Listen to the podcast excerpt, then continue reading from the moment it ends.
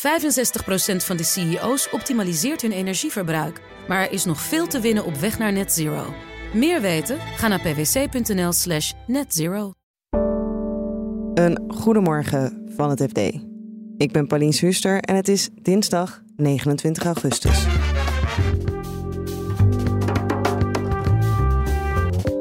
Winkelketen Intertoys staat in de etalage. De vraag is wie het wil kopen. Eigenlijk iemand zijn met of verstand van winkels, dus in, in een branchegenoot, en dat zal wel snel uit het buitenland zijn. Ja, of een investeerder die hier ervaring mee heeft en het wel aandurft. Het CPB becijferde dat we niet meer gelijk verkouden worden als Duitsland niest. Als Duitsland heel hard niest, worden we natuurlijk wel verkouden. Als Duitsland met een hele hoge griep in bed ligt, dan, uh, dan gaan we dat zeker merken.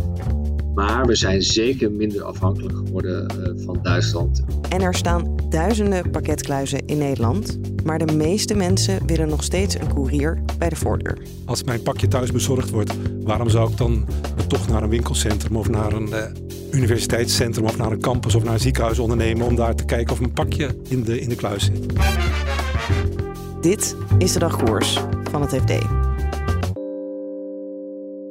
Speelgoedketen Intertoys is te koop gezet door zijn eigenaar Mirage Retail Group.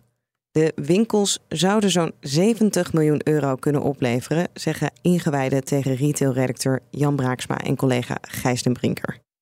Je hoort Jan die uitlegt waarom Intertoys te koop staat. Nou, de eigenaar Michiel Witteveen is 70 en uh, de afgelopen jaren heeft hij al wat gefilosofeerd over een beursgang. Omdat hij zei, ja, ik heb niet het eeuwige leven, wil ik dit bedrijf overdoen aan mijn kinderen, willen die kinderen dat wel? dan moet je op een of andere manier op zoek naar een nieuwe eigenaar. Nou, de beursplannen die hij had met het hele Blokker-concern, dus met Blokker, Intertoys en BCC, die zijn op de lange baan geschoven. Ja, dan, dan blijft er eigenlijk één optie over, of twee opties over. Of het hele concern in één keer verkopen, of ja, delen daarvan gaan verkopen. En nu uh, kiest hij dus voor het eerste Intertoys uh, verkopen. Is het dan ook wat je hoort? Veel winkelketens die hebben het uh, lastig. Omdat het goed loopt, is het dan makkelijker te verkopen? Ja, want uh, de, de andere twee ketens, dus de BCC en Blokker, nou, daar, daar is nog wel wat werk uh, aan te doen voordat die verkoop klaar zijn. BCC heeft recent nog gereorganiseerd en ja, de markt voor witgoed, hè, dus voor koelkasten en wasmachines en zo en televisies, is na de coronapandemie ook behoorlijk in elkaar gezakt. Want toen hebben we, heeft iedereen van alles gehamsterd. Nu gaat het economisch wat moeilijker. En ja, alle vraag, als, je, als jij drie jaar geleden een, een, nieuwe koelkast hebt gekocht of een nieuwe televisie, ja, dan ben je de komende, nou wat is het, zes, zeven, tien, misschien wel twintig jaar ben je wel, uh, wel even klaar. En Blokker was zwaar verlieslatend, daar is veel aan gebeurd, maar dat is nog niet winstgevend, zo hebben wij begrepen. Nou ja, en verlieslatende bedrijven verkopen is altijd nogal moeilijk. Dus daar is nog wel wat werk aan te doen. Maar ja, goed, als wat voor Intertoys geldt, geldt ook voor die andere winkels. Witteveen is 70, hij wordt niet jonger. Dus ja, hij zal wel hopen dat hij, dat hij in de komende jaren ook uh, die andere winkelketens kan uh, verkopen. En Blokker, of Intertoys maakte ongeveer 10 miljoen winst per jaar. Ja, nou, dat, dus dat is wat dat betreft het, het makkelijkste te verkopen. Ja, en jullie horen van ingewijden en bronnen dat het rond de 70 miljoen euro op zou kunnen brengen. Is dat een logische prijs? Nou ja, goed, het, het is altijd onzeker in zo'n verkooptraject wat er, wat er gebeurt en hoeveel partijen interesse hebben. Maar de mensen die uh, wij gesproken hebben en dan vooral de mensen die Gijs gesproken heeft, want die zit helemaal in het fusie- en overname wereldje, die zeggen nou zes à zeven keer de winst. Nou, dat, dat is wel te doen, hè, dat is wel realistisch. Nou ja, zes keer of zeven keer 10 miljoen, dan kom je op 60 tot 70 miljoen. Hebben we ook al een koper in gedachten of heeft Witteveen een koper in gedachten? Nou, misschien heeft hij zelf wel een paar uh, gewenste kandidaten, maar hij wil ons niet vertellen wie dat nou precies uh, zijn. En terecht ook, denk ik. Maar hij heeft gezegd, we willen een goede eigenaar, dus we willen het niet per se aan de allerhoogste bieder verkopen. Maar als die, die slecht omgaat met het personeel of weinig toekomstplannen heeft, dan, dan uh, ja, dat soort partijen vallen af. Ja, en toen zaten we er ook een beetje over te filosoferen van wie zou dat nou wel kunnen kopen. Er zijn niet heel veel grote Nederlandse winkelketens meer die overnames doen zelf. Dus ja, uh, eerder, misschien had je tien jaar geleden kunnen denken van, nou ja, misschien uh, VND of uh, HEMA. Nou ja, goed, die, die zitten nu niet in de situatie. VND bestaat niet meer. HEMA heeft het druk genoeg met zichzelf. De vraag is ook, past dat daar binnen? Dus ja, de winkelketens, dat zouden misschien een speelgoedbedrijf uit het buitenland kunnen zijn. En anders kom je toch gauw bij een investeringsmaatschappij uit. Dus of een rijke familie of een andere partij. Ja, dan is het ook nog wel iemand die het aandurft om in deze tijd een winkelketen te kopen. Want de kosten zijn erg gestegen. De huur is omhoog gegaan met de inflatie. het minimumloon is verhoogd. Ja, en dan zit er ook nog een beetje in zo'n economische tijd waarin het nog wel oké gaat. Maar ja, hoe goed gaat het nog echt en hoe lang blijft dat gaan? Dus het zijn best wel spannende tijden. Dus het moet eigenlijk iemand zijn met of verstand van winkels, dus in, in, in een branchegenoot, en dat zal wel snel uit het buitenland zijn. Ja, of een investeerder die hier ervaring mee heeft en het wel aandurft. Nederland herstelde sneller van de coronapandemie dan Duitsland. En dat komt deels omdat we minder afhankelijk zijn geworden van onze oosterburen als handelspartner. Hoeveel minder hoor je van redacteur macro-economie Marijn Jongsma? Als je kijkt naar de ontwikkeling sinds 1980, uh, eh, toen was uh, Duitsland goed voor 30% van onze uitvoer. Um, en nu zitten we ongeveer op 23%. Dus dat is 7 procentpunt daling. Dat wil dus niet zeggen dat we minder uitvoeren naar Duitsland. Ook de export naar Duitsland groeit, alleen minder hard dan de export naar andere locaties. Ze zijn nog wel steeds onze grootste handelspartner, denk ik. Ja, zeker. Maar het belang neemt af uh, ten gunste van, uh, van andere bestemmingen. Dus uh, ook binnen Europa overigens. Dus Noord-Europa, maar ook Oost-Europa. Dus de uitbreiding van de EU met nieuwe lidstaten in de jaren 90 en daarna is duidelijk terug te zien in ja, andere handelstromen, zou je kunnen zeggen. In ieder geval andere plekken waar de grote groei plaatsvindt. Ja, en natuurlijk de opmars van China uh, sinds de jaren 90 is een hele belangrijke factor. Waardoor productieketens veel internationaler zijn geworden. Daar profiteert Nederland deels van. Hè. Dus veel producten komen natuurlijk via Rotterdam Europa binnen. En daar doen we dan nog wel wat mee, waardoor we er wat aan verdienen. Maar het gaat om grote, grote volumes. En wat doen we er dan mee met die producten? Nou, dat is ook wel grappig om te zien, dat blijkt ook duidelijk uit die CPB-cijfers, dat het aandeel van de wederuitvoer wordt steeds groter eigenlijk in het totale pakket. Dus inmiddels meer dan de helft van onze uitvoer is wederuitvoer. Dus dan gaat het om producten die we niet zelf maken, maar die Nederland binnenkomen en dan na een kleine bewerking weer worden uitgevoerd. Je kunt bijvoorbeeld uh, voorstellen uh, cacao, nou, dat komt in bulk, uh, vooral de Amsterdamse haven binnen.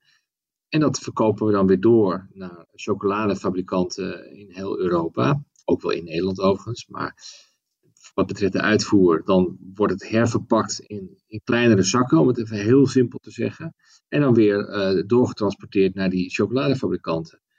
En dan kun je zeggen, ja, dat is toch niet zo heel ingewikkeld allemaal. Nee, oké, maar het moet, het moet wel gebeuren. Het moet ergens binnenkomen en het moet ergens naartoe. En die draaischijffunctie, uh, ja, die is dus relatief ook steeds belangrijker geworden. Ja, terwijl de, nou ja, de normale wijsheid is dat je daar niet zo heel erg veel aan verdient, dat wederuitvoer. Maar wij hebben er dus wel flink van geprofiteerd. Ja, dat is een beetje de discussie altijd. Hè? Uh, ook de kritiek op wederuitvoer. Moeten we ons niet meer richten op eigen productie? Want daar verdien je uiteindelijk meer aan. Als je kijkt naar een euro uitvoer van eigen productie, daar verdienen we 50 cent aan. Omdat we een heleboel zelf doen. En als we een euro wederuitvoer hebben, dan verdienen we daar maar 10 euro aan. Dus dat verschil is heel groot. Alleen ja, het is niet zo dat we in Nederland aan een knop kunnen draaien en zeggen nu gaan we die eigen uitvoer vergroten en die wederuitvoer verkleinen. Het heeft allemaal te maken met vraag en aanbod op de wereldmarkt. En, uiteindelijk is onze prestatie een resultante daarvan. Uh, en, en, niet zozeer beleid. Althans, voor het grootste deel.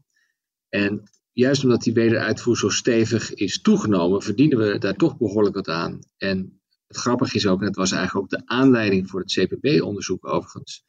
Het blijkt dus dat uh, die wederuitvoer, die heeft ervoor gezorgd dat Nederland eigenlijk veel sneller dan andere landen, uh, en zeker sneller dan Duitsland, heel vroeg al uit die coronacrisis is gekropen want er was toen een enorme vraag naar goederen. Nou, die goederen kwamen deels via Nederland binnen. Dat ging in dermate grote volumes dat we daar goed aan hebben verdiend. En dus de Nederlandse economie zich uh, ja, op een spectaculaire wijze herstelde in 2021, het jaar na de corona.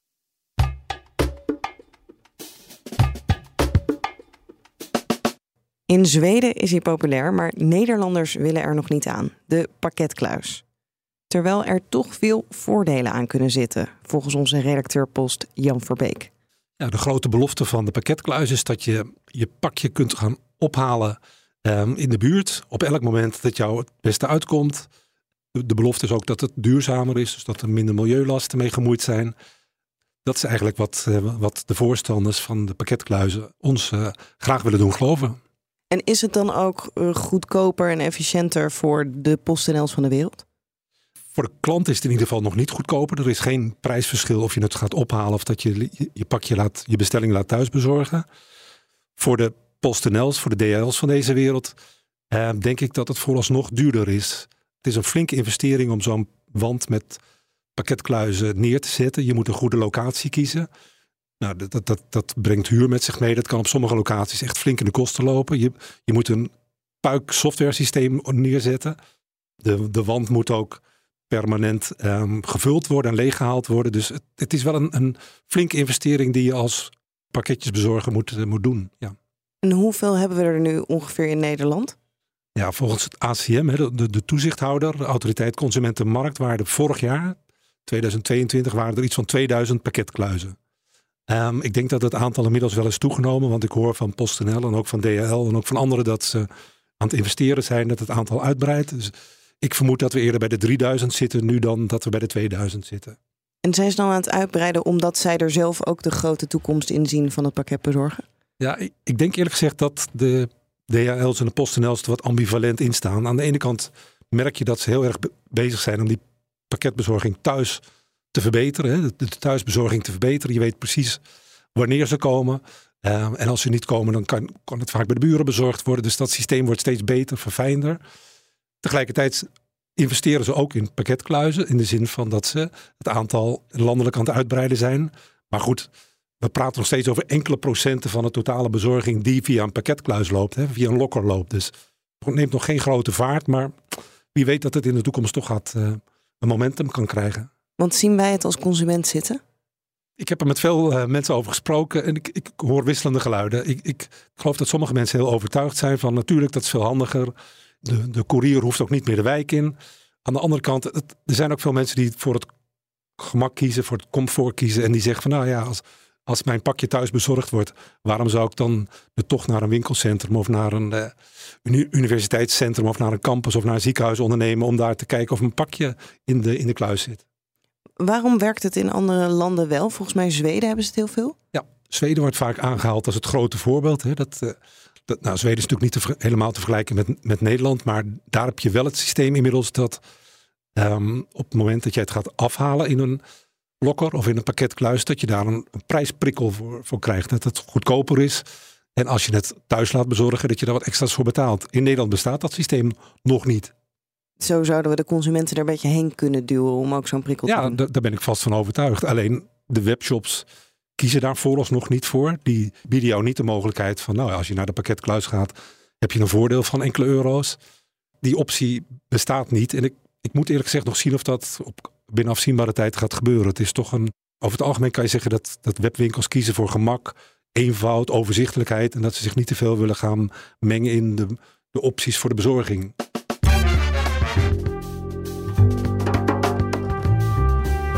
Dit was de dagkoers van het FD. Morgenochtend is er weer een nieuwe aflevering. Als je die automatisch binnen wil krijgen, dan moet je even abonneren op Dagkoers in je podcast-app.